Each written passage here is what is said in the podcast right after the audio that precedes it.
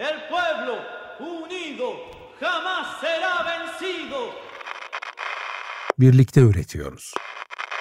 El pueblo unido jamás será vencido. El pueblo unido. Dayanışmaya açık kooperatiflere dair bir program. Hazırlayan ve sunanlar Gökçe Türkmen ve Alper Can Kılıç.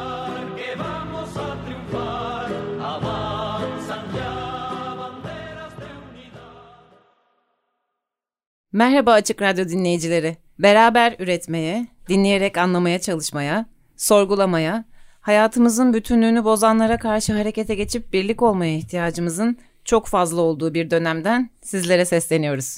Acaba kooperatifçilik üretimden gelen gücü kullanarak, daralarak sıkıştığımız çalışma alanlarımızdan bizi çıkarabilir mi? Yeni ve güzel için bir umut olabilir mi sorularının yanıtlarını araştırmaya devam ediyoruz. Çantamız, matarımız ve asalarımız, Tılsım tılsım. bir de tılsımlarımız hazırsa yola koyulalım o zaman. Ben Gökçe. Ben Alper. Birlikte Üretiyoruz programına hoş geldiniz. Bir yeni dönem kooperatifçilik deneyimiyle bugün sizlerleyiz. Bizim de çalışan ortağı olduğumuz Albatros Bilişim Kooperatifinden Batu ve Sevcan akşamüstünün bu güzel saatlerinde bizlerle. Hoş geldin Sevcan, hoş geldin Batu. Hoş geldiniz. Hoş bulduk. Hoş bulduk. Biz normalde birlikte çok vakit geçiriyoruz sizinle ama burada ikinize de siz diye hitap edince biraz garip oldu haliyle tabii. Program itibariyle de e, fırsat bu fırsat aramıza biraz daha mesafe koyalım dedik. O şekilde de devam edeceğiz gibi gözüküyor. Dilerseniz e, Batu'yu tanıtarak ısınma turumuza yavaş yavaş başlayalım. E, bunu adet edindik birazcık biyografileri. Galatasaray Üniversitesi Bilgisayar Mühendisliği mezunu. 12 yıldır yazılım geliştiriyor. Öncesinde finans ve arge sektörlerinde çalıştı. Şimdi de e-ticaret sektöründe çalışmaya devam ediyor. Şimdiye kadar yurt içi ve yurt dışı olmak üzere 7 farklı firmada çalıştı. Bilgisayar Mühendisleri Odası ve Kadıköy Tüketim Kooperatifinde aktif rollerde bulundu. Başlangıcından bu yana yani 4 seneyi aşkın bir süredir Albatros Bilişim Kooperatifinde yazılım ve diğer birçok alanda çalışıyor. Ben de Sevcan'ın biyografisinden biraz bahsedeyim. Karadeniz Teknik Üniversitesi Bilgisayar Mühendisliği mezunu. Yazılım geliştirmeci olarak başladığı iş hayatına yazılım yaşam döngüsünün her rolünde görev alarak devam etti. Proje yönetimi ve iş geliştirme rolleri ise iş hayatında aktif olarak devam eden kısımlar. Bilgisayar Mühendisleri Odası 4. dönem yönetimci, yönetim kurulu üyeliği yaptı. Albatros Bilişim Kooperatifi'nin iş geliştirme rolünde olup aynı zamanda en yeni üyelerinden. Evet. Şimdi Albatros Bilişim Kooperatifi nasıl bir hikayeyle başladı? Ee, önceki programlarımızdan birinde konuğumuz olan sevgili Serkan Öngel ve Uygar Dursun Yıldırım'ın Şirketlerden Kooperatiflere Rekabetten Dayanışmaya kitabının ilk makalesi yine Albatros Bilişim Kooperatifi üyesi sevgili Ahmet Gire dostumuzun kaleminden bize ulaşmıştı. Fakat Batu e, soruyu doğrudan ilk çağrıyı yapan kişi olarak sana yöneltecek olursam Nasıl başladı hikayemiz? Ee, böyle bir yapıya ihtiyaç duyma sebepleriniz nelerdi? Ya da başlangıçta çağrıyı sen ve eşin Melike'nin yaptığını bildiğimize göre sizi bu alanda yürümeye ve dostlarınıza da bir ses ederek bir araya gelmeye götüren itici güç neydi diye başlayalım istersen. Tabii ki. Hikayenin başlangıcı aslında gezi direnişine bağlı. Gezi ile birlikte hareketlenen sosyal yaşam ve örgütlenmeler çoğumuzun günlük hayatlarını da etkiledi. Benim mesela BMO'ya katılmam ve Kadıköy Kooperatifinin kuruluşu da bu zamanlara denk geliyor. Aynı zamanda o zamanlar çalıştığım bankada da bir dayanışma kurmuştuk. Çevremde hep çalışmalara gönül destek veren birçok arkadaşımız vardı. Bilişim alanından bir sürü insan. Hı hı. O zamanlarda daha önceden dile getirdiğimiz ama yani düşündüğümüz ama pek de dile getirmediğimiz birçok konu vardı. Bunların arasında güvencesiz çalışma, performans sistemi, hepimizin kaldığı fazla mesailer, her gün yaşadığımız işsizlik ve rekabet ortamı, bir yandan iş yerlerinde karşı karşıya kaldığımız baskı ve stres ve tabii ki yetersiz maaşlar, gerçekçi olmayan emeklilik gibi birçok konuyu tartışırken buluyorduk kendimizi. Bunlar bende bir şekilde birleşti ve nasıl farklı bir yol olur diye düşündüm. Biraz da araştırdım. Farklı ülkelerdeki bilişim kooperatiflerini inceledim o sıralarda. Onlardan bazılarıyla iletişime geçtim. Bunlar aynı zamanda bildiğimiz işçi kooperatifleri bir yandan da bilişim kooperatifleri. Hı hı. Biz neden bir işçi kooperatifi kurmayalım gibi bir düşünce geldi bana. Bazı arkadaşlarım bunu sordum, danıştım onlara. Bir Hı hı. kısmı o iş olmaz, yürümez abi dedi. bir kısmı da bana mutlaka haber ver eğer bir şekilde harekete geçersen dedi. Buradan yola çıkarak bir metin kalemi almaya karar verdim. Eşim çok destek oldu bu konuda.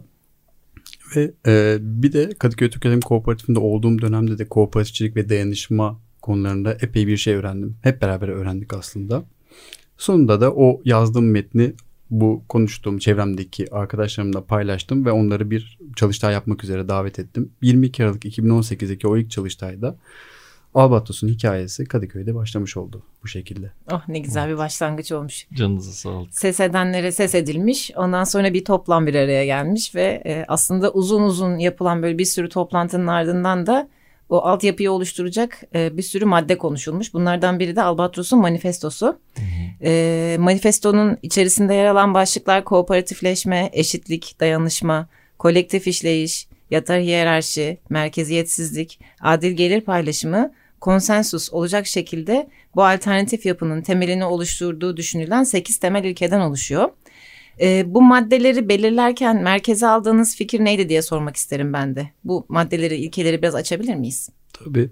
Bu ilkeler bizim gündelik hayatta yaşadığımız sorunlardan. Bir de o hayalini kurduğumuz gelecek tahayyülünden yola çıkarak aslında oluştu. İş yerlerinde mesela hepimiz dikey hiyerarşiyle ve o baskıyla baskı olan ortamlarda ortamların içerisinde çalışıyoruz, yaşıyoruz. Hayatımızın günümüzün büyük kısmını orada geçiriyoruz. Bu yüzden o yetey hiyerarşinin gerekliliğini hissettik. Bunu da ilki olarak benimsedik.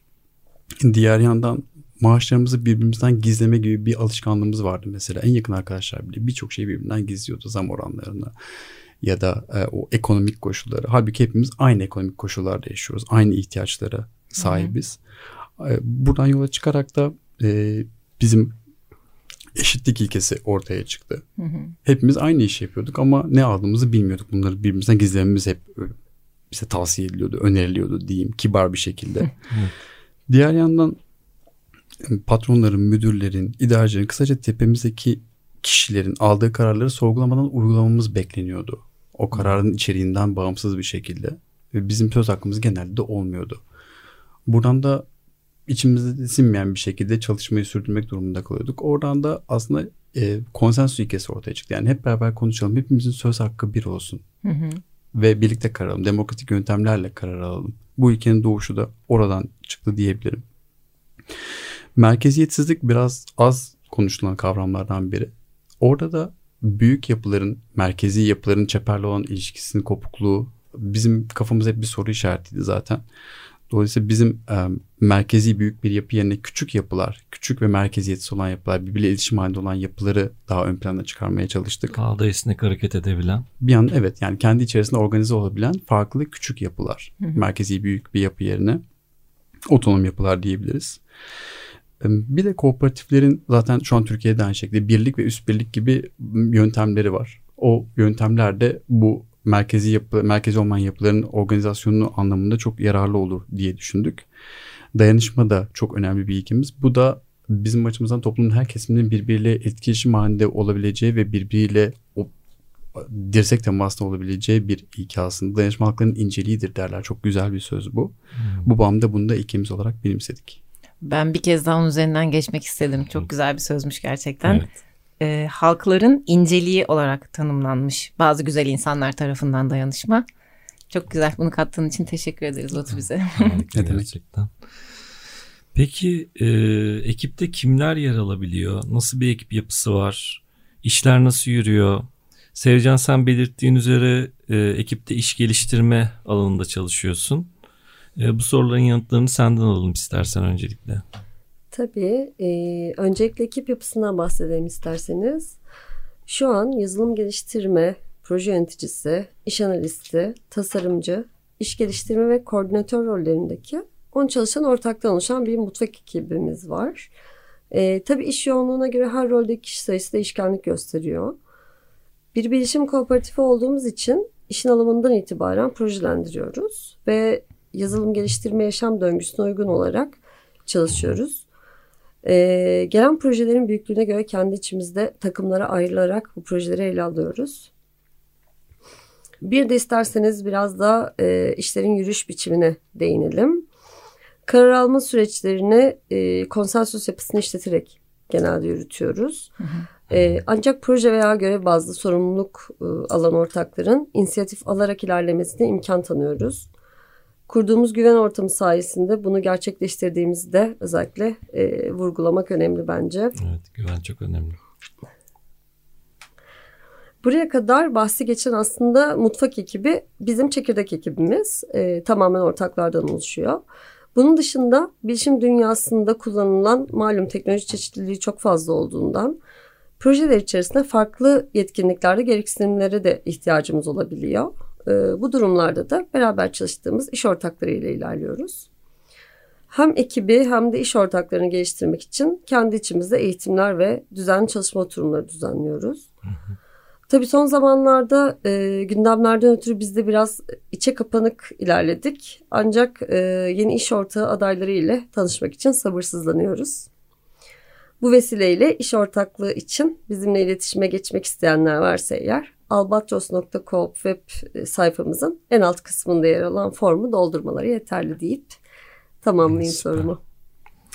O zaman e, buradan sevgili Bandista'ya da çok selam olsun ki buradayız hala albümünden Yarın Olmaz şarkısı sizlerle diyelim. Kısa bir ara verelim. Merhaba 95.0 Açık Radyo dinleyicileri. Birlikte Üretiyoruz programına Albatros Bilişim Kooperatifinden Sevcan ve Batu ile kaldığımız yerden devam ediyoruz. İlk bölümde nasıl bir ihtiyaçla kuruldu bu kooperatif ve e, nasıl bir temel üzerine inşa edildi bunlardan bahsetmiştik. Şimdi bir soruyla konuyu biraz daha açmak istiyorum. Ee, gerçi bir önceki sorunun cevabında mutfak ekibinden ve çeperinde olan iş ortaklarından bahsedildi ama e, yine de e, içerik olarak büyümeye açık bir kooperatif mi acaba? E, katılıma açıklık konusunda ne aşamadasınız ve bu bağlamda nasıl öncelikleriniz var? Bununla ilgili bilgi almak isteriz. Pek tabii ki. Ben çok vereyim buna. Lütfen. Biz sadece ihtiyacımız kadar büyümek istiyoruz. Yani şöyle bir ufkumuz var aslında. Kocaman bir kooperatif, bir sürü üyesi var. Bir şirket gibi devamlı büyüyen bir yapı değil de küçük kalan sadece bir ekipten oluşan bir kooperatif gibi düşünün. Ve bunun gibi bir sürü farklı alanlarda belki tasarım, yazılım, sistem, analiz ya da aynı anda birçok kooperatifin bir arada olduğu bir yapı hayal ediyoruz aslında. Bununla ilgili mesela güzel bir örnek var. Arjantin iletişimde olduğumuz bir kooperatif var Fikus diye. Onların bir üst birliği var mesela. Ve bu birlik olarak alıyorlar projelerini. İhtiyaç olduğu zaman da farklı rollerden insanları kooperatifler arası bir ekip oluşturacak şekilde bir araya getirebiliyorlar. Böyle bir güçleri var. Biz de Sevcan'ın az önce anlattığı gibi iş ortaklarımızla eksik kaldığımız noktalarda ekip oluştururken e, gücümüzü e, yeniden tasarlıyoruz. Bir yandan da karar alma anlamında da mesela büyük yapıların zorlandığını düşünüyoruz. Biz karar alırken bir şeyi konsensüsle özellikle tartışırken herkesin söz hakkı var ve herkes herkesi dinliyor. Herkesin herkesini ikna etme hakkı var.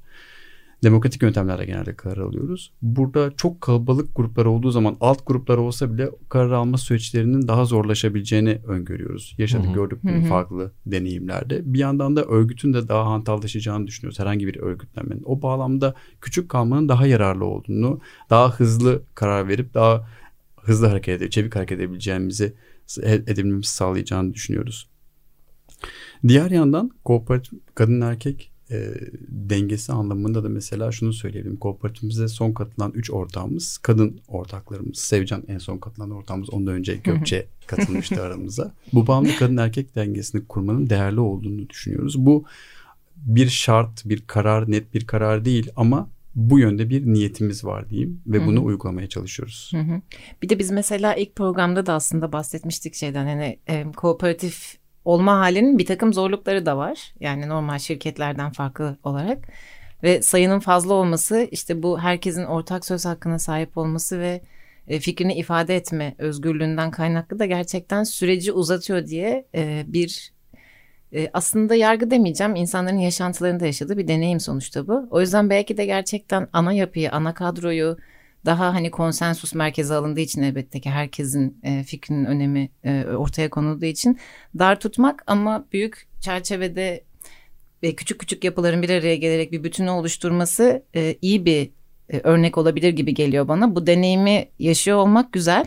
Bunun parçası olmak da apayrı güzel. Çünkü bence bütün bunların hepsi sonunda bir şeye vardığında biz işaret edeceğiz bazı şeyleri. Hani böyle yapıl, yapılsa daha iyi olur. Çünkü biz böyle bir şey yaşadık diyeceğiz.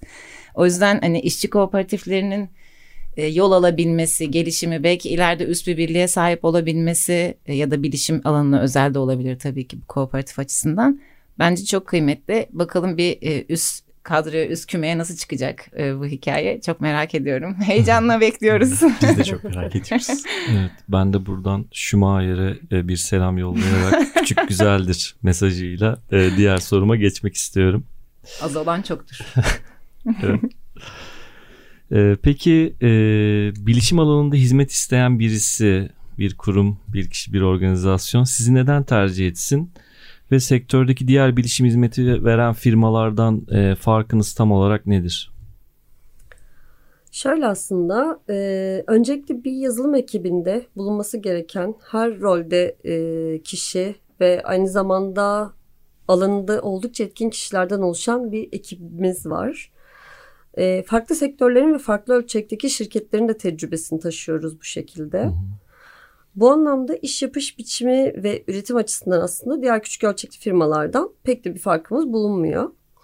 E, bu vurguyu özellikle yapma nedenim de alışkın olduğumuz kooperatif anlayışı yoğunlukla yapı kooperatifleri olduğundan bilişim kooperatif kavramından bahsettiğimizde üretim sürecinde farklılıklar olduğunu düşünülmesi. Biz uçtan uca bir projeyi geliştirmek için gerekli her rolde çalışan ortağın e, olduğu bir aslında bilişim, ürün geliştirme ve yazılım ekibiyiz. E, şöyle belki bir farkımız olabilir. Ücret ve ürün kalitesi açısından piyasa koşullarına göre değil de daha çok e, ihtiyacı yönelik detaylı bir çalışma yapıyoruz. Hı hı. Optimum şekilde belirlediğimiz ücret ve çalışma politikası sayesinde adil ve doğru şartları oluşturmaya özen gösteriyoruz. Bunu dilerseniz şöyle bir örnekle açıklayalım. Diyelim ki siz e, özelleştirilmiş bir talebiniz var ve bizden gelip bir çözüm isteyen yapısınız, bir kuruluşsunuz. Çözümle ilgili yapılacak iş ve ücret konusunda sizi biz aslında talebi biraz daha detaylı dinleyerek yönlendiriyoruz da aynı zamanda. Yani yer yer talep sahipleri farkında olmadan ihtiyacı olandan daha fazlasını daha karmaşık olanını seçebiliyorlar yöntem olarak. Hı hı. Dolayısıyla onları e, Doğru yani. uzun yoldan evet işi maliyetlendirecek şekildeki isteklerini bizler ihtiyacı doğru anlayıp hizmet için gerekli bütçe teklifini optimum olarak sunuyoruz. Hı hı. Burada belki şeye de bir değinmek istiyorum. Ee, dayanışma göstermek adına da kooperatif ve STK'ların ihtiyaçlarında ücretli özel indirim oranları da uyguluyoruz. Peki e, bu işte bir çeşit dayanışma örneği olan kooperatiflerle, STK'larla zaten herhalde bir takım e, özel ilişkiler hani hayatımız boyunca süre gelmiştir. Ama e, ulusal ve uluslararası anlamda kooperatiflerle iletişiminiz nasıl? E, bir bir iletişim ağı, da- dayanışma ağı var mıdır? Sizin de parçası olduğunuz tabii yani bizlerin de parçası olduğu diyeyim hatta. Böyle işte devreler karışıyor, roller karışıyor. Ee, Albatros Bilişim Kooperatifi'nin parçası olduğu bir ağ var mıdır? Kooperatif iletişim ağı. Aslında ekipteki arkadaşlarımızın büyük kısmı farklı kooperatif ve STK'larla bireysel bağları olan kişiler. Ee, burada bulunduğu için mesela Batu'ya örnek verebiliriz. Batu'da Kadıköy Kooperatifi'nin kuruluş aşamasından itibaren orada bulunuyordu. Dolayısıyla aslında böyle bireysel bağlarımız var. Ama bunun dışında Albatros olarak da farklı kooperatiflerle çeşitli projeler yapıyoruz, yaptık bugüne kadar. Aynı zamanda e, dünyadaki bilişim kooperatifleri gruplarından biri olan Patio'nun da üyesiyiz. Buradaki iletişimi yoğunlukla tasarımcı arkadaşımız e, Meriç yürütüyor. Hı.